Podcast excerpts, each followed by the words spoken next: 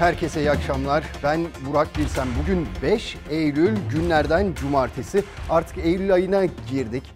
Sonbahara girdik yani. Sonbahar nasıldır? Tabii ki huzurlu, güzel bir aydır. Aynı zamanda romantizmi sevenler için de özel bir aydır sonbahar. Doğa tüm ihtişamıyla karşınıza çıkar.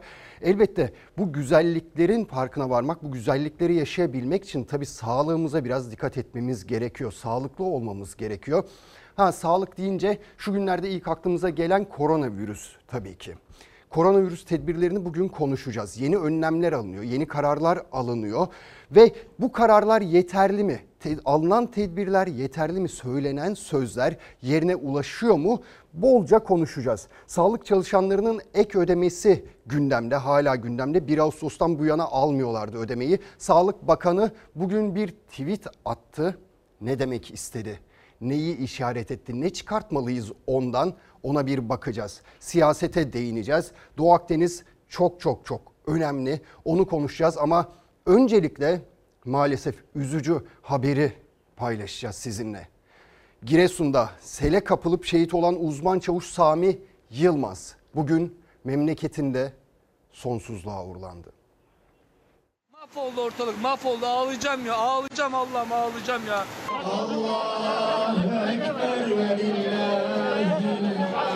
Giresun'da meydana gelen selde şehit olan jandarma uzman çavuş sonsuzluğa uğurlandı. Allahu Ekber ve lillahil hamd. Uzman çavuş Sami Yılmaz 22 Ağustos'ta arama kurtarma faaliyetine katılmak için sel bölgesine hareket etti.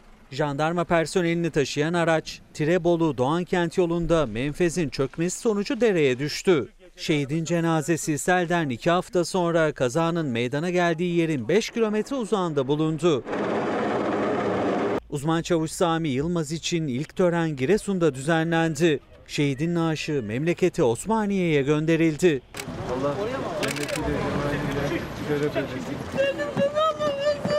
Şehit uzman çavuş Sami Yılmaz için önce baba evinde helallik alındı. Cenazesi daha sonra ilçe meydanına getirildi. Esselamu aleyküm ve rahmetullah.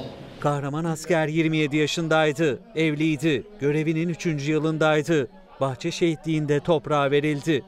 Allahu Ekber ve lillahil hamd. Şehrimize bir kez de Allah'tan rahmet yakınlarına da başsağlığı dileyelim. Şimdi Doğu Akdeniz'e bakacağız tabii. Doğu Akdeniz'de de önemli gelişmeler oluyor. Her gün ayrı bir şey yaşanıyor o bölgede. Dünyanın çeşitli ülkelerinden mesajlar geliyor. İşte Amerika Birleşik Devletleri ne yapmıştı? Güney Kıbrıs Rum yönetimine silah ambargosunu kaldırmıştı. Yunanistan diplomasiye 33 sene sonra evet silah ambar- ambargosunu kaldırmıştı. Elbette ki Türkiye'nin bir mesajı, bu mesajı alması gerekiyor. Türkiye'ye verilen bir mesaj bu. Ondan sonra yine Yunanistan diplomasiye kapılarını kapattı. Masaya oturmayacağım dedi. Arabuluculuk yok dedi. Ve ardından bizim ne yapmamız gerekiyor? Elbette Türkiye'de hem sahada buna bir yanıt vermeliydi hem de sözlü olarak bir yanıt vermeliydi. Önce sahaya bakacak olursak Türkiye ve KKTC ortak tatbikat yapma kararı aldı. Ve bugün akşamüstü Cumhurbaşkanı Erdoğan konuştu. O da çok netti. Ya masada ya sahada diye başladı cümlesine ardından sözleri ise bugüne kadarki en net, en dikkat çeken ifadelerdi. Kurşun gibiydi. Türkiye'nin kendisine dayatılan ahlaksız haritaları ve belgeleri yırtıp atacak siyasi, ekonomik ve askeri güce sahip olduğunu anlayacaklar. Ya siyasetin ve diplomasinin diliyle anlayacaklar ya da sahada yaşayacakları acı tecrübelerle anlayacaklar. Doğu Akdeniz'de yükselen gerilimi düşürmek, istenmeyen bir kaza ya da çatışma riskini ortadan kaldırmak için en son NATO'nun kurmak istediği masayı deviren Yunanistan'a ve Türkiye'ye karşı tavır alan ülkelere sert çıktı Cumhurbaşkanı. Muhtemel şehadeti en büyük paye olarak gören bir milletin karşısında durabilecek hiçbir gücün olmadığını fark ettiklerinde umarız iş işten geçmiş olmaz. Halbuki biz her platformda, her mesajımızda Türkiye'nin adil olması şartıyla her türlü paylaşıma hazır olduğunu ifade ediyoruz. Bu sözümüzde samimiyiz. Sorun karşımızdakilerin bizim haklarımızı yok sayması. Doğu Akdeniz'de Türkiye ile Yunanistan arasında ara buluculuk çabaları sürerken Yunanistan her olumlu sese kulak tıkıyor ve her geçen gün gerilimi daha da tırmandıracak adımlar atıyor. Cumhurbaşkanı taviz yok dedi. Dünyada uzun süredir hakim olan siyasi ve ekonomik statüko tüm yönleriyle çatırdamaktadır. Yeni bir dönemin ayak sesleri giderek daha yüksek şekilde duyulmaktadır. Bu yeni dönemde ülkemizi hak ettiği yere çıkarmakta kararlıyız. Biz savaş tercihine değiliz. Diyalog diyoruz. Fakat bunu söylediğimiz zaman bunu hiçbir şekilde de zafiyet olarak algılanmamasını istiyoruz. Sayın Hulusi Akar bunu NATO zeminine ve Birleşmiş Milletler zeminine çekmek için gayret ediyor. Onun bu siyasetini destekliyoruz. Ancak bu yetmez. Türkiye'nin derhal bu haklı davasını savunmak ve netleştirmek için 28. boylamın batısında Navtex ilan etmesini istiyoruz. İyi Partili Aytun Çıray'ın kritik nokta için Navtex çağrısı, Milli Savunma Bakanı Akar'ın diyalog çağrılarımız zafiyet değil uyarısı. Isınan sularda Ankara yeni bir adım daha attı. Milli Savunma Bakanlığı 6-10 Eylül tarihleri arasında Doğu Akdeniz'de Kıbrıs Türk Cumhuriyeti ile ortak tatbikat yapılacağını duyurdu. Ülkemize karşı kurulan akıl almaz ittifakların ve sergilenen hak, hukuk, tahammül tanımaz davranışların gerisinde bunun verdiği telaş ve korku bulunuyor. Amerika Birleşik Devletleri, Rusya ve Fransa başta olmak üzere küresel aktörlerin neredeyse tümünün ülkemizin pozisyonunun karşısında yer alması pozisyonumuzun haksızlığından değil, diplomasimizin zayıflığındandır. Davutoğlu Doğu Akdeniz'de Yunanistan'ın yanında yer alan ülkeleri saydı. İktidarın diplomaside zayıf kaldığını savundu. Cumhurbaşkanı Erdoğan ise hem diplomasi hem askeri adımlar sayesinde bölgede Türkiye'nin söz sahibi olduğunu Akdeniz'de yaşanan hareketlilik karada da kendini gösteriyor. Suriye sınırında konuşlu zırhlı araçlar tırlara yüklenerek Edirne'ye doğru yola çıktı. Yaklaşık 40 zırhlı aracın sevk edileceği iddia edilirken askeri kaynaklar Ege'ye sevkiyatın planlı faaliyet olduğunu söyledi. Doğu Akdeniz'de gerginlik gerçekten yüksek. Ege'de de keza aynı şekilde ve işin ucu nereye varacak, işin sonu nereye varacak onu kestirmek de mümkün değil. Bundan sonra ne olacak, hangi ülke ne adım atacak bilemiyoruz. Kapalı kutular. Kimse elindekileri açık açık paylaşmıyor. Ortaya sergilemiyor. Ancak şimdi böyle bir ortamda Türkiye erken seçimi de konuşuyor. Ve bakacak olursak muhalefetten seçim erken seçimin olacağı tarihi telaffuz edenler de var. Hayır bu erken seçim olmaz diyenler de var. Erken seçim olmaz diyenlerden biri de Saadet Partisi lideri Temel Karamollaoğlu'ydu. Mesajını Doğu Akdeniz üzerinden verdi ve şöyle söyledi. Ne pahasına olursa olsun her türlü yola başvuracaklar dedi iktidar için. İlk seçimler 2023 yılında. Önümüzde yaklaşık 3 yıllık kesintisiz bir hizmet dönemi bulunuyor. Ben Adalet ve Kalkınma Partisi iktidarının Cumhur İttifakı'nın Türkiye'yi 2023'e kadar taşıyabileceğine inanmıyorum. AK Parti'nin oyları %30 civarına inmiş gibi gözüküyor. MHP'nin oyları da %7 civarında. Topladığınız zaman 40'ı geçmiyor. Böyle olunca da seçilme şansı birinci turda yok gibi kaybedeceğini bile bile niye gidilsin? Cumhurbaşkanı Erdoğan olası erken seçim tartışmalarına yanıt verircesine seçimin 2023'te olacağını söyledi. Önümüzde 3 yıl var diyerek İyi Parti'den 2023'e kalmaz açıklaması gelirken Saadet Partisi lideri Temel Karamollaoğlu kaybedeceklerini bilerek seçime girmezler dedi. Ama yine de bir erken seçim ihtimaline kapıyı kapatmadan. Benim şahsen bir seneden önce bir erken seçim ihtimalini görmüyorum. Milletten gelecek büyük bir baskı ve taleple Türkiye erken seçime gidecektir. Bunun için şimdiden bir süre vermek zordur. Sayın Cumhurbaşkanı da AK Partililer de milletin tercihi bizim iktidardan gitmemizi gerektiriyorsa biz gideriz. İçlerine sindirmeliler bunu. 18 yıl iktidarda kalmak yordu bu arkadaşları. Önümüzde yaklaşık 3 yıllık kesintisiz bir hizmet dönemi bulunuyor. Siyasetin bitmeyen tartışma başlığı erken seçim. Cumhur İttifakı her açıklamasında seçimler zamanında yani 2023 yılında yapılacak mesajı verse de erken seçim gündemden düşmüyor. Muhalefet başta ekonomiyi gerekçe göstererek Türkiye'nin seçime gideceğini söylüyor ama iktidarın da ayak direyeceğini. Ellerine yüzlerine bulaştırdıkları ekonomi yönetimi sonucunda vatandaşımız pahalılığın altında eziliyor. Sayın Erdoğan erken seçim kararı alıp Türkiye'yi seçime götürmeye kalkarsa eğer üçüncü defa seçilip seçilmeyeceği tartışma konusudur. İktidar ne pahasına olursa olsun iktidarda kalabilmek için her türlü yola başvuracak. Karamollaoğlu daha önce OHAL örneği vererek iktidarın seçimi erteleyebileceğini iddia etmişti. İddiasını bir adım daha ileri taşıdı. Savaş ortamı bile gerekçe gösterilebilir dedi. Allah muhafaza etsin. Savaş çıkarır sırf iktidarda kalmak için düşünmem de savaş ortamının hazırlanması buna bir işaret olur.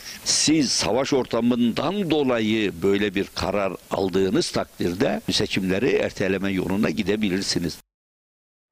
Evet Millet İttifakı bile bölünmüş durumda. Kimi diyor ki erken seçim yapılır işte Temel Bey diyor ki hayır şu ortamda olmaz. Peki sizce olur mu böyle bir ekonomik ortamda ekonomide böylesine bir tablo varken iktidar Mil, Cumhur İttifakı seçime gitmeyi göze alabilir mi? İşte vergiler peş peşe arttırılıyor. Zamlar ardı ardına geliyorlar ve insanlar sokakta baktığın zaman biraz mutsuzlar, biraz umutsuzlar ve gençler işte hayal kuramamaktan şikayetçiler. Hayal kuramayan bir toplumun geleceğini nasıl kurar? Toplum geleceğini nasıl kurar? Bunları da düşünmek lazım ve bu şekilde yanıtlamak lazım. Gerçekten iktidar erken seçime gidebilir mi? Ben de pek açıkçası ihtimal vermiyorum. Şimdi bir polemiğe bakacağız. İdam polemiği. MHP lideri Devlet Bahçeli tartışmanın fitilini ateşlemişti. İdam cezası gündeme alınmalı demişti Devlet Bahçeli.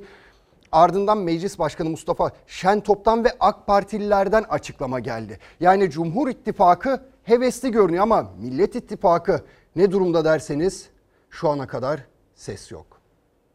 Çok sınırlı olarak belli suçlara mahsus olmak üzere idam cezasının bulunması gerektiği kanaatindeyim. Her vatandaşlarımız kendi barışını tehdit eden, kendi huzurunu tehdit eden suçlarla ilgili idam cezası istiyorsa biz de parlamentoda bunun gereğini yapmak zorundayız. MHP lideri Bahçeli'nin idam cezası gündeme alınmalı açıklamasının ardından önce Meclis Başkanı Mustafa Şentop'tan ardından da AK Parti'den idam cezası açıklaması geldi. Bahçeli suç ve suçlarla mücadelenin başarıya ulaşması için başka bir yol ve seçenek kalmadı diyerek idam cezasını gündeme taşımıştı. Bebek katilleri, sapıklar, alçaklar, tecavüzcüler layık oldukları cezalara çarptırılmalıdır. MHP idam cezası meraklısı değildir. Ne var ki geçtiğimiz süreçte başkaca bir yol ve seçenek olmadığı da nettir. Bunlardan bir tanesi tasarlayarak vahşice insan öldürme, küçük çocuklara karşı işlenen cinsel suçlar sadece bunlarla sınırlı. İdam konusundaki hassasiyetimi biliyorsunuz. Bütün mesele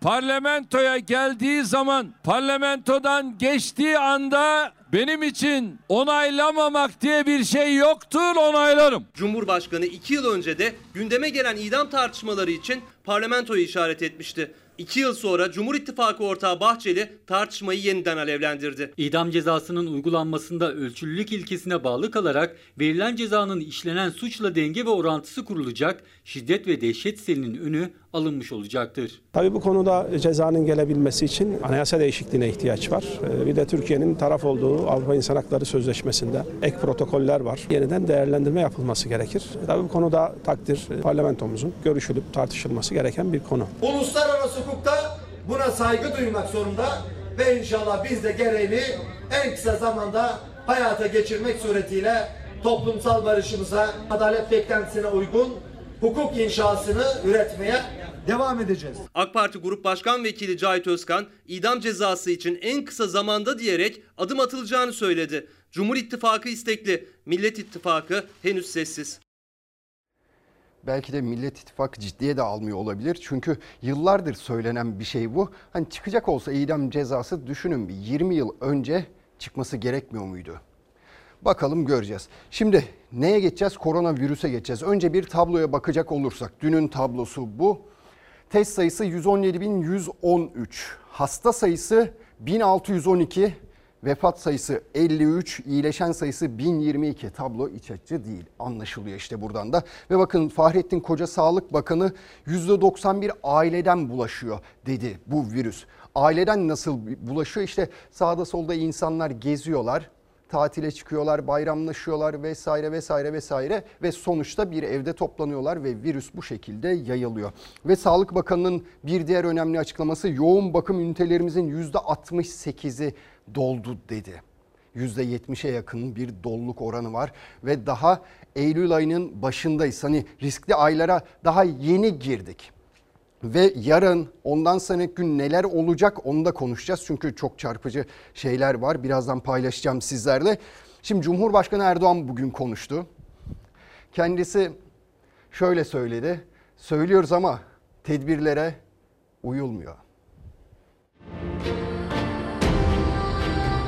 Sürekli söylememize rağmen maalesef her yerde Türkiye'nin dört bir yanında bu tavsiyelere uyulmuyor. Düğünlerde dikkat diyoruz maalesef uyulmuyor. Mesafe diyoruz uyulmuyor. Maske diyoruz uyulmuyor. Ülkemizin denizi geçip derede boğulmaması için hep birlikte salgın musibetinin üstesinden gelmeliyiz. Yine bireysel tedbirlerin önemine dikkat çekti Cumhurbaşkanı Erdoğan. Hızla artan vaka sayıları üzerine genel bir kısıtlamaya gidilip gidilmeyeceği merak konusuydu. Erdoğan herkes kendi tedbirini alacak dedi. Bu hastalıktan korunmanın çaresi bulunana kadar her vatandaşımız kendi tedbirini kendisi uygulayacaktır. Maskesiz dolaşmayalım diyoruz. Bunlara dikkat edelim. Aksi takdirde hem kendimiz hem sevdiklerimiz için sonu ölüme kadar varan bir tehdidin kapısını açmış oluruz. Cumhurbaşkanı Erdoğan 4 sene önce hayatını kaybeden Profesör Doktor Süleyman Yalçın'ın adının verildiği İstanbul'un 4. Şehir Hastanesi'nin açılışında konuştu. Göztepe'deki yeni şehir hastanesinden sağlık sistemimiz sağlam mesajı verdi. Son dönemde artan vaka ve yoğun bakım sayısına rağmen sağlık sistemimiz dimdik ayaktadır. Erdoğan'ın da dikkat çektiği gibi günden güne artan ağır hasta sayısı 1076'ya ulaştı. Son günlerde iyileşenlerin sayısı da yeni vaka sayısının çok altında. Endişeleri katlayansa yaşamını yitiren hastaların sayısı. 24 saatte 53 hasta daha hayatını kaybetti. En son 14 Mayıs'ta bu kadar can kaybı yaşanmıştı. Türkiye genelinde ise yatak doluluk oranımız şu an %51, yoğun bakım doluluk oranımız %68, solunum cihazı doluluk oranımız ise %31. Şehir hastanesi açılışına da katılan Sağlık Bakanı Fahrettin Koca, bir gün önce de vaka artışıyla dikkat çeken Diyarbakır'daydı. Yoğun bakımdaki doluluğun %70'e yaklaştığını açıkladı. Her 10 hastadan 9'una ailesinden virüs bulaşıyor dedi. Diyarbakır'da temaslı kişilerin %91'inin aile içinde bulaştığını tespit ettik. Bayramlarımız, eş dost ziyaretleri, nişan ve kına törenleri, düğünler, asker uğurlamaları ve taziyeler maalesef mesafenin unutulduğu, maskelerin takılmadığı, sosyal mesafenin korunmadığı ortamlar oldu. Bunun yansımalarını da hemen gördük. Söylüyoruz ama tedbirlere uyulmuyor. Yani şikayet etmesi gereken biziz aslında. Gereğini yapması gereken onlar ama onlar şikayet ediyor. Sen vatandaş olarak bizden gereğini yapmamızı bekliyorlar. Gerçekten çok enteresan, garip bir durum. Peki sizin hiç mi hatanız yok? Bizi yönetenlerin hiç mi hatası yok? İşte Sağlık Bakanı da sürekli çıkıyor, günlerdir çıkıyor söylüyor, aynı şeyi söylüyor. Düğünlere gitmeyin, oraya buraya gitmeyin. E peki düğünleri açan sizler değil misiniz Haziran Temmuz ayında? AVM'leri AVM'leri açan sizler değil misiniz? Ardından Ayasofya'da 350 bin kişi toplandı diye övünen sizler değil misiniz? Daha bir hafta önce şunun şurasında Giresun'a gidip selzedeleri ziyaret ettiniz. Arkasından miting düzenlediniz. Çay dağıttınız. İnsanlar o çayları alabilmek için birbirini eziyordu neredeyse. Yani iğneyi kendinize çuvaldızı başkasına derler ya. Önce bir aynada biz acaba bazı şeyleri doğru yapıyor muyuz diye düşünmemiz gerekmiyor mu? Siz yapın gereken tedbirleri alın, gereken yasakları koyun ama gerektiği zamanda iş işten geçmeden bunları yapın. Ha uymayan varsa da cezasını buyurun kesin. Çünkü bunun cezası tüm Türkiye'ye kesilecek. 82 milyona kesilecek. Belki önümüzdeki günlerde çok daha fazla artacak hayatını kaybedenlerin sayısı. O zaman sizler bunun vebalini acaba nasıl ödeyeceksiniz? Bu da gerçekten cidden ürkütüyor insanı. Önümüzdeki günleri düşünmek ürkütüyor. Peki aşı meselesine bakacak olursak hani uzmanlar diyorlar ya aşı yaptırın diyorlar. Evet yaptırmamız gerekiyor. Profesör Esin Davutoğlu Şenol yani son dönemde en böyle dobra dobra konuşan isimlerin başında geliyor kendisi. Sözünü sakınmıyor. Tabii ki Profesör Doktor Mehmet Ceyhan'la birlikte sözünü sakınmıyorlar, susmuyorlar. Açıkça susmuyorlar. Bakınız hanımefendi diyor ki bu fotoğrafta da gayet güzel çıkmış hanımefendi. Ondan sonra zatürre aşısı risk grubuna, grip aşısıysa kime yapılmalı? Herkese yapılmalı. Bütün toplum yapılsın istiyoruz ama böyle bir şey mümkün değil. Temin sıkıntısı olacak. Grip aşısını önceliklendirme ile dağıtılması gerekecek bu sene. Bu yıl özellikle grip aşısı geçen yıldan daha fazla. 2 kat, 3 kat hatta 4 kat olsun çabası içindeyiz. Bununla ilgili bağlantıları yapmış olduk. Talep çok fazla. Bayağıdan beri de gelip soruyorlar zaten. Belli hasta gruplarını da liste halinde oluşturduk. Bekliyoruz. Liste bayağı bizim kabardı. Artık alamıyoruz listelere. Çünkü ne kadar geleceği belli değil. Koronavirüsle mücadele eden hasta bir de üstüne gribe yakalanmasın, hastalığı ağırlaşmasın diye bu sene grip aşısını herkese tavsiye ediyor uzmanlar. Sağlık Bakanlığı da talebe karşılık vermek için hazırlıklara başladı. Ancak eczanelerdeki listeler şimdiden uzayıp gidiyor. Grip aşısı düşünüyoruz. Eczanelere isim olarak yazdırdık. Sıraya mı girdiniz siz? de? Evet, evet sıraya girdik. Peki niye böyle bir sıra oldu? Daha önce oluyor muydu böyle bir sıra? Yo daha önce sıra olmuyordu ama demek ki bir yoğunluk mu? Ekim'de geleceğini söylediler zaten grip aşısının. Kaç tane istediniz? Biz e, çocuklar ve ben için 3 tane isim yazdırdık. Artık telefonlarla sormaya başladı insanlar. Eczane eczane dolaşmıyorlar. Firmalar dağıtacakmış depolara ama depolardan bize kaçar tane geleceği, bize kaçar tane düşeceği belli değil. O yüzden de insanları zor durumda bırakmamak için listeyi artık almıyoruz. Koronavirüs salgınıyla birlikte grip ve zatürre aşısı için de talep artışı yaşandı. Eczane çalışanlarına gelip aşıyı soranlar sıraya giriyor, isim yazdırıyor. İşte o listelerden birisi. Bu tarafta grip, diğer tarafta zatürre aşısı için isimlerini yazdıranlar var. Ama bu liste dolunca eczane çalışanları yeni küçük listeler hazırladılar. Ama onlar da yetmedi ve yeni bir liste yapıldı. Eğer ellerine yeterli sayıda aşı gelirse isteyenlere sıradan arayıp aşılarınız geldi diyerek haber verecekler. 48, 51, 60, 62, 64, 81, 83. Bu listede yetmedi galiba. Burada da Burada da var. Ek arkaya, da, yapmışsınız. ge- arkaya da geçtik. Normalde 3 senede satılabilecek olan bir aşının talebi var. grip aşısının eczanelere Ekim'in ortalarında ulaşması bekleniyor. Zatürre aşısı ise risk gruplarına öneriliyor. Sen geldin hiçbir sağlık sorunun yok. Hocam bana bir tane aşı yapabilir misin dediğinde yapamıyorum ben sana. Çünkü senin risk grubu olduğunu gösterebilmem lazım. Grip aşısı veya zatürre aşısı olmayı düşünüyor musunuz bu salgın döneminde? Tabii. Peki sordunuz mu hiç eczanelere bulabildiniz mi aşı? Yok aşı yok. Gelecek diyorlar. Başka bir şey demiyorlar. Bedava diyorlar. Yani bedava da olmasa vurulmak istiyorum bulabilirsek. Reçete edildiği takdirde SGK hem grip hem zatürre aşısını karşılıyor. Yoğunluk yaşanmaması için Sağlık Bakanı risk gruplarının belirleneceğini, önceliğin onlara verileceğini açıkladı. Zorunlu olan kişiler için önerdiğimiz bir algoritma olmuş olacak. Bu yıl bu anlamda sorun yaşamayacağımızı düşünüyorum. Evet şimdi Esin Hoca'dan bahsettik tabii. Mehmet Ceyhan Hoca'dan bahsettik. Demin de söyledim ya fotoğrafta güzel çıkmış hanımefendi. Zaten çok şık, çok güzel bir hanımefendi. E, ara sıra da iltifat etmek gerekiyor. Sağlık çalışanlarımıza moral vermemiz gerekiyor. Tabii gerçekleri söylüyorum öyle eften püften laf olsun diye söylemedik onda. Şimdi bakınız Neydi bu iki ismin ortak özelliği? Susmuyorlar. Hiçbir şeyi gizlemiyorlar. İşte dobra dobra çıkıp konuşuyorlar. Ha bazen de susmak gerekebilir. Ama ne zaman susmak? Ha susmak karşınızdaki insanları da cesaretlendirmemeli. Hafta içi bir yazı okudum. Gazeteci Kerem Kırçuval yazmış gazete Pencere'de. Kendisi küçük bir operasyon geçirmişti. Buradan geçmiş olsun dileklerimi bir kez daha ileteyim kendisine. Çok kıymetli bir meslektaşımız ve biraz onun da susması gerekti. Birkaç gün susması gerekti ve şöyle bir yazı yazdı. Susmak üzerine aykırı sözler başlıklı bir yazı yazdı. Bir bölüm okuyacağım. Tamamını siz okuyabilirsiniz. Ama çok hoşuma gitmişti. Susmak öğretiyor. Susmak sabrettiriyor ama öfkeyi de biriktiriyor. Şunu unutmamak da lazım gelir. Susanlar eninde sonunda bir gün söyler.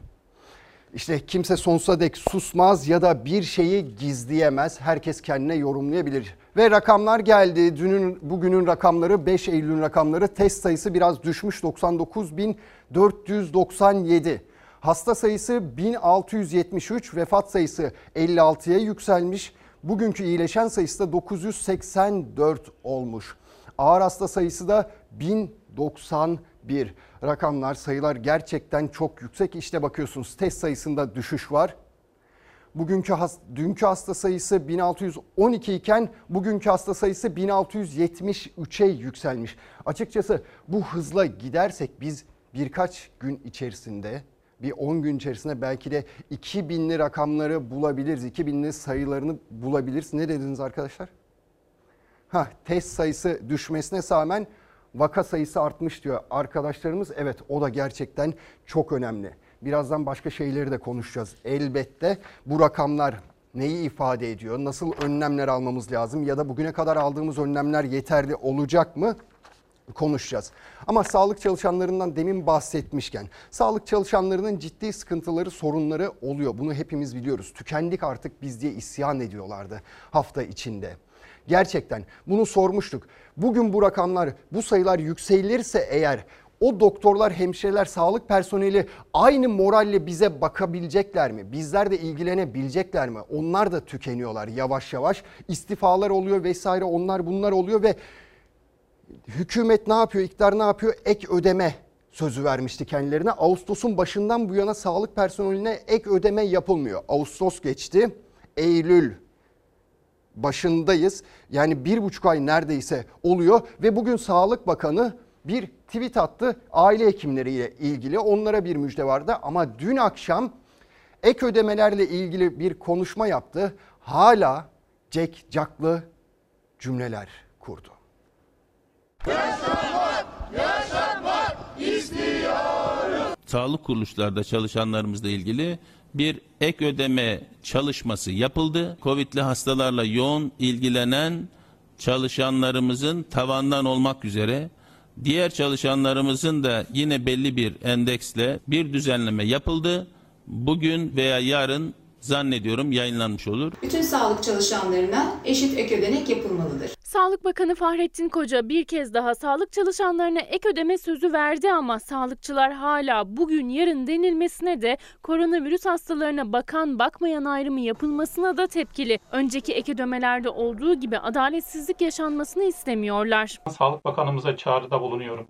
Bir an önce genelgenin çıkması ve daha önceki yaşanan sorunların yaşanmaması için adaletsizliklerin ve e, haksızlıkların olmaması için adaletli bir şekilde tavandan ek ödemenin verilmesi için gerekenin yapılmasını istiyoruz. Aslında Bakan Koca aynı müjdeyi 19 Ağustos'ta da vermişti. Geriye dönük 1 Ağustos'tan itibaren 3 ay boyunca ek ödeme yapılacağını duyurmuştu. Ek ödemenin 1 Ağustos'tan itibaren 3 aylık bir zaman diliminde ödeneceğini buradan söylemek istiyorum. Sağlık Bakanımız 1 Ağustos'tan geçerli olmak üzere sağlık emekçilerine tavandan ek ödeme verileceğini ifade etti. Ama geçen süre içerisinde buna ilişkin herhangi bir genelge çıkmış değil. Sağlık çalışanlarının tamamı ek ödemeden yararlanmayı beklerken aile hekimlerine ilişkin düzenleme ise yürürlüğe girdi. Ancak müjde şartlı geldi. Covid pozitif hasta izlemi şartı konarak yapıldı. Bunu kabul etmemiz mümkün değildir. Salgından etkilenerek görev yapamayan aile hekimleriyle aile sağlığı çalışanlarının maaşlarından artık kesinti yapılamayacak. Ayrıca koronavirüs hasta takibine göre 3 ay süreyle ek ödeme verilecek. Virüs şüphesiyle çoğu hastanın ilk çaldığı kapı aile hekimlerinin kapısı oluyor. Yani riskte en ön saftalar. Ancak telefonla koronavirüs hastası takibi yapmayana ek ödeme verilmeyecek. Aile hekimlere ayrım yapılmamasını istiyor. Pandemi döneminin başında itibaren aile hekimleri hiçbir görevini aksatmamış. Üstelik verilen ek görevleri kabul etmiş. Ek ödenek yapılacaksa ve e, tüm sağlık çalışanlarına eşit ek ödenek verilmelidir. Evet şimdi bir izleyicimiz mesaj atmış Çağla Hanım eşiyle ilgili bir konudan bahsediyor. Eşi Ankara'da bir pandemi hastanesinde görev yapıyor. Sağlık çalışanı değil normal düz bir memur orada. Şöyle söylemiş. Kendi bölümlerinde çalışan personel sayısı Covid'e yakalananlar nedeniyle dörde düştü. Sağlık çalışanlarının çoğu hasta. Aynı zamanda bakın o hastanede gördüklerini de buraya aktarmış. Çalışacak hepsi bir bir istifa ediyor. Çalışacak eleman bulamadıkları için kronik rahatsızlığı olan insanı üstelik pandemi hastanesinde çalıştırıyorlar. Benim eşim kronik kalp kapak hastası. Ve demiş ki Rakamlar gerçeği yansıtmıyor. Böyle giderse çalışacak sağlık personeli kalmayacak. Hastanelerde iş çığırından çıkmış durumda. Üstelik eşimi 24 saat çalıştırıyorlar çünkü kimse kalmadı. Herkes Covid olmuş. Yani normal bir memur deyip geçmeyin. İlla sağlık personeli olmasına gerek yok. O hastaneye giren herkes aynı şekilde tedbir almalı ve aynı tehlikeyle burun buruna karşı karşıyalar. Ve böyle bir ortamda bakın böylesine bir ortamda okullar açılacak mı, üniversiteler açılacak mı bunları konuşuyoruz, bunları tartışıyoruz. Sağlık Bakanlığı YÖK'e bir tavsiyede bulundu. Ne dedi? Uzaktan eğitimi tavsiye etti. Geçmiş yıllardan günde 70-80 kayıtla giderdik ortalama.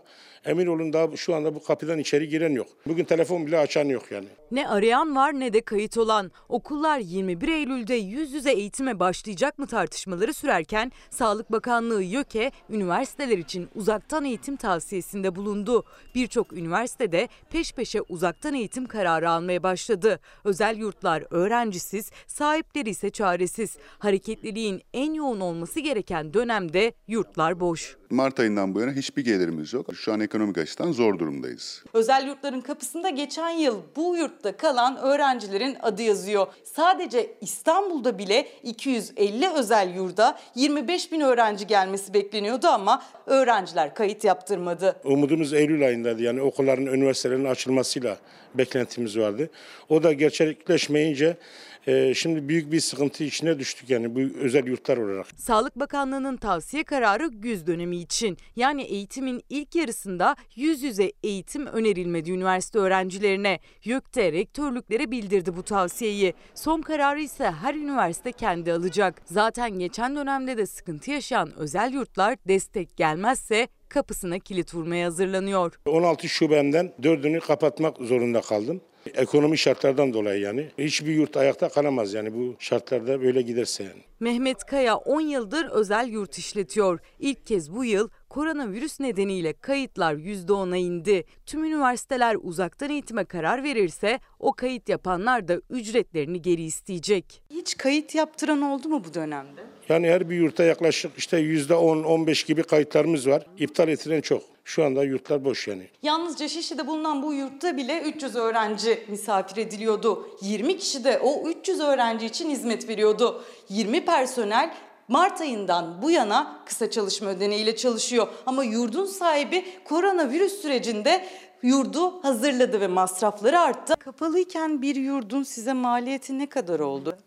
E, Kira, personel, e, sabit giderler 100-120 bin TL civarında maliyeti oluyor aylık. Kira gibi giderleri devam ediyor yurt işletmecilerinin. Zaten 7 aydır kapalı olan yurtlar şimdilik 5 ay daha iş yapamayacak gözüküyor. Talepleri, giderleri ve ödemeleri için kolaylık sağlanması. Devletimizden bu konuda destek bekliyoruz. Kira desteği e, olumlu bir adım olur. Bizim için mevcut borçlarımızın ötelenmesi, ertelenmesi olabilir. Vergi SGK borçları gibi.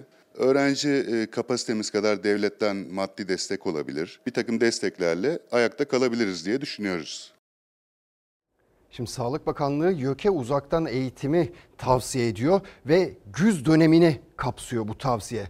Yani ilk dönem okulların, üniversitenin ilk dönemi uzaktan yapılacak. Bunu anlıyoruz. E peki şimdi 21 Eylül'de okullar açılacak deniyor. Sağlık Bakanlığı acaba aynı tavsiyeyi okullar için de verecek mi? Eğer bakacak olursak işte üniversitelere verildiğine göre şunu anlamamız mı gerekiyor? 21 Eylül'de okullar da açılamayacak böyle giderse. Onlar da komple uzaktan eğitime mi geçecekler? Şimdi bakınız tablo çok ağır. Tablo çok kötü durumda. İşte konuşuyoruz bunları. Ben Mehmet Ceyhan'ı aradım bugün hemen yayından önce Profesör Mehmet Ceyhan'ı aradım. Ve yarın KPSS yapılacağı için KPSS yapılacağı için bu bizi nasıl etkiler dedim. Yani siz doğru buluyor musunuz diye sordum. İşte okullar açılmıyor, uzaktan eğitime, üniversitelere uzaktan eğitim yapın tavsiyeleri bulunuyor ama ne işse her türlü sınav yapılabiliyor bu arada. İşte okullara gidiyor. Daha bugün bursluluk sınavı vardı. Yarın KPSS olacak. Yine milyonlarca insan o okulların içine girecekler. Mesafe tanınacak mı, tanınmayacak mı? O maskeler atılacak bir kenara soru çözecek insanlar. Mehmet Bey bakın şöyle ifadeler kullandı. Dedi ki hesap kitap yapılmadan bilim kurulu o anki duygularıyla ve düşünceleriyle karar veriyor. Hiçbir kriter yok. Alınan kararlar tutarsız. Hedefler konulması gerekiyor. Ama gün belirtmek yerine burası çok önemli. Vaka sayısı 800-500 olursa okulları açarız, sınavları yaparız demek lazım. O zaman devlet de insanlar da bu sayıyı indirmek için motive olur. Plansızlık devam ederse salgın da devam edecektir diyor Sayın Mehmet Ceyhan. İşte halkı sorumlu tutmak yerine az önce izlediğiniz haberleri halkı sorumlu tutmak yerine etkin ve planlı bir mücadele yapsak daha iyi olmayacak mı? Şimdi SMA hastalarıyla devam edelim. 2 yaşın altındaki SMA hastaların aileleri çok endişeli. Mert. Oğlum 18 aylık SMA tip 1 hastası. Keşke imkanımız olsa e, bu parayı hiç kimseden e, istemeden kendimiz sağlayabilsek ama meblağ çok yüksek. Bu çocukları kaybetmek istemiyoruz. Ne yazık ki dünyanın e, en pahalı ilacı. Altından kalkılabilecek gibi değil ama Amerika ve Avrupa'da işe yaradığını biliyorlar. Doktorlarının da çare olarak gördüğü 2 milyon 100 bin eurolu gen tedavisine ulaşmaya çalışıyor SMA hastaları. İlacın etkisi 2 yaşın altındaki çocuklarda daha fazla. Mert Adrian ise 1,5 yaşında. Daha geç olmadan bir çözüm bekliyor ailesi etkisi. Bu ilacı alan çocuklarda e, hastalığın seyrinin durduğunu, çocuklarda çok iyi ilerlemeler kaydettiğini görebiliyoruz. Yani bu bilimsel kanıtlarda da mevcut. Bir aile olarak bağış kampanyası yürütmek oldukça zordur.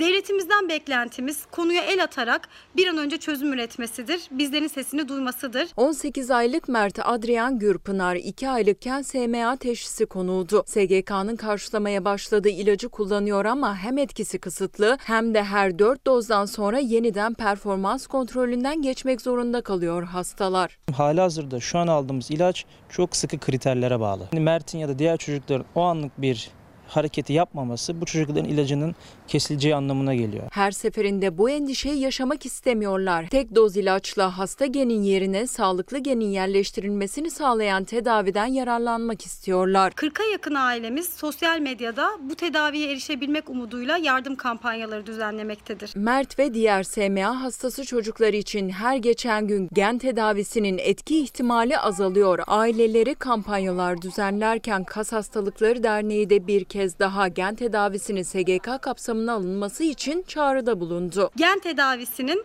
yurt dışı onaylı ilaç listesine alınarak 21 kilogram altındaki tüm hastalar için SGK kapsamına alınmasını rica ediyoruz. Ailelerimiz, hastalarımız maalesef zamanla yarışmaktadır. Merhaba. Evet koronavirüs sayısı yani vaka sayısı koronavirüste gerçekten çok fazla artıyor. Şimdi bir genelge Cumhurbaşkanlığı bir genelge yayınlamıştı. Valiliklere topu attı. Haklı olarak tabii bunda bir sıkıntı yok. Dedi ki eğer siz bulunduğunuz illerde, ilçelerde bir sıkıntı görürseniz hemen müdahale edin. Şimdi Ankara Valiliği ne yaptı? Şöyle dedi. Kendi bünyesindeki kurumlara tabii ki bu talimatı verdi. 10 yaşından küçük çocuğu olan anneler dedi artık evden çalışabilecekler. Ya ben bunu duyduğumda eğer Ankara valisi bunu yapıyorsa Türkiye genelinde neden böyle bir şey yapılmıyor? İlk bu aklıma geldi. Çünkü aynı zamanda uzaktan eğitim başladı. Hani diyoruz ya bütün çocukları uzaktan eğitime tabi olacaklar vesaire vesaire ama kim oturacak o çocukların başında? O çocuklarla kim ilgilenecek? Annesi de babası da eğer çalışıyorsa o çocukları 7-8 yaşındaki çocuğunu ben kızımdan pay biçeyim. 7 yaşındaki çocuğu ben evde tek başına nasıl bırakabilirim ki? Bunların da bir çözüme kavuşturulması gerekiyor ve işte Sağlık Bakanlığı YÖK'e tavsiyede bulunuyor. Bu güz dönemini kapatın diyor. Uzaktan eğitimle geçirin diyor. Yani ilk yarı yılı uzaktan eğitimle yapın diyor. 21 Eylül'de okullar açılmazsa sayın yönetenler nasıl bir çözüm bulacaksınız? Özel sektörde çalışanlar var, kamuda çalışan çocuklu insanlar var onlara bir esneklik sağlayacak mısınız? Ve bir de en önemlisi internet. İnternete insanlar rahatlıkla ulaşabiliyorlar mı? Ya da evlerinde o uzaktan eğitimi yapabilmeleri için gerekli alet edevat yani bilgisayar var mı? Birçoğunun evinde yok. Ve bakınız o internete ulaşmak da günümüzde kolay değil. Nereden çıktı derseniz ben ulaşamadım. Bir buçuk aydır evime internet bağlatmaya çalışıyorum. İnternet sağlayan şirket diyor ki henüz gelemeyiz, yapamayız ve bir, bir buçuk ay daha uzayacak gibi görünüyor süreç.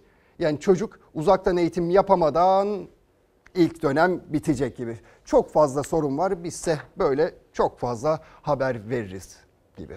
İhale sonradan yapıldı. İşlet devlet modeli miydi? 50 kişi araya giriyor. İsmi bekliyor muydunuz? Numan Bey, kısa bir sorumuz olacak. İddialar var. Doğru mudur efendim? Sayıştay raporları ile ilgili bir sorumuz olacaktı. SGK Havasına, suyuna, taşına, toprağına. Barış Kaya Fox TV birkaç tane şehit ifadenize muhalefet tepki gösteriyor efendim. Fox önce gazete olsun. Erken genel seçim değil mi efendim? Yanlış anlamadım. Siz Fox olarak hiçbir şeyi doğru anlamıyorsunuz. Sizin sorunuza da cevap vermek istemiyorum. Usandırdınız artık. Beril Oğuz e, Fox televizyonundan Kırmızı Bülten'de aranan e, Abdullah Öcalan'ın kardeşi Osman Öcalan'ın devlet televizyonunda TRT'ye verdiği röportajı nasıl değerlendiriyorsunuz efendim? Doğrusu ben Osman Öcalan'ın kırmızı bültenle arandığını bilmiyorum. Haberciliğin birinci şartı soru sormak. Bir sorumuz olacak. Proje okullarla ilgili. hayır, hayır, hayır, hayır. Biz de ona diyoruz ki Sayın Bakan evet evet evet evet projenin sınıfta kaldı. Veteriner yazıyor mu? Burada var mı veteriner? Veteriner şu an burada yok. el sıkışıyorsunuz. El sıkışmak yasak aslında. Cesaretle hiç vazgeçmeden Sayın Bakanım, SMH hastası. Müsaade edin şu toplantıyı yap. Sayın Bakan, Sayıştay raporları ile ilgili bir sorumuz olacaktı. SGK raporu hazırlandı. Bir yanıtınız olacak mı? Bakanım aklıma bir soru takıldı. Dünden beri çok yürürken ama. çalışma Bak şu anda kepçeler orada Tamam. duruyor. Fox habercileri yıllardır halkın merak ettiklerini halk adına sorabilmek için sahada. Bu yaptığınız açıklamaya istinaden e, yap işlet devlet modeli mi daha uygun otoyol ve köprüler için? Pardon bir dakika. Cevap veriyor bakan. Numan Bey, kısa bir sorumuz olacak. Kendisi şu anda bir soru. Beyefendi ne yapıyorsunuz? Ne yapıyorsunuz? Ne yapıyorsunuz? Kılıçdaroğlu'nun bana ismini aklındaki adı söylemişti dediğiniz isim. Yok esasında şimdi öyle bir şey yok da. Beşten sonra da alacaklar mı evrak? Bir onu sorar mısınız? Hanımefendi beşten sonra alınacak mı evrak? Hayır beşe kadar evrak alacak. Gerçekler ortaya çıktı. Duyulamayanlar, görülemeyenler Fox kamerası ve mikrofonuyla milyonlara ulaştı. Uzansa işi karıştıracağız en azından kapattım böyle. Kars'ta kanser hastaları da mağdur. Kars'tan Bursa 6 ayda bir Bursa'ya götürüyorum. Yaptığım haberleri de yayınlayabilecek özgür ve cesur bir haber merkezinde Doğan Şentürk yönetimindeki Fox Haber'de çalıştığım için de ayrıca çok mutluyum. Bir sorumuz olacaktı bizim. Geçtiğimiz günlerde Et Süt Kurumu bir ihale açtı. Bir gün süreyle 300 liralık bir et. Çok özür dilerim. Çok üzüldüm. Çok üzüldüm Sayın Bakanım. Ay bakan dinlerken araya giriyorsunuz. Bunlar çok ıvır zıvır işler. 100 bin liralık ihale. Ne olacak? Ama ihale sonradan yapıldı diye. Sonradan yapılsa ne olur? Bu sizin yaptığınız gazetecilik değil maskaralıktır. Fox Haber deneyimli, cesur, vicdanlı, bağımsız kadrosuyla ve Türk halkından aldığı güçle perdeleri açmaya devam ediyor. En büyük ödülün gerçeklerin ortaya çıkması olduğunu bilerek ilkelerinden hiç vazgeçmeyerek Onu terör örgütü olarak da görmüyorsunuz. Şimdi bu klişe soruları bence Evet. bir tarafa bırakalım. Siz bunu okuduğunuzda doğrudur dediniz mi? Evet. Yani Erdoğan şunu çağırmıştır, bununla görüşmüştür. Yok yani özel bir tahminde bulunmak istemiyorum ama doğrudur yani. Ben Selçuk Tepeli. Fox Ana Haber'de haberin kalbindeyiz. Hafta içi her akşam 19'da Fox Ana Haber'de beraberiz. Buradayız. Vicdanınızın sesiyiz. Aklınızdakileri soruyoruz. Her söylenene inanmıyoruz. Acaba diyoruz, sorguluyoruz. Kimseden korkmuyoruz, kimseden çekinmiyoruz, saklamıyoruz. Haberciyiz, işimizi yapıyoruz.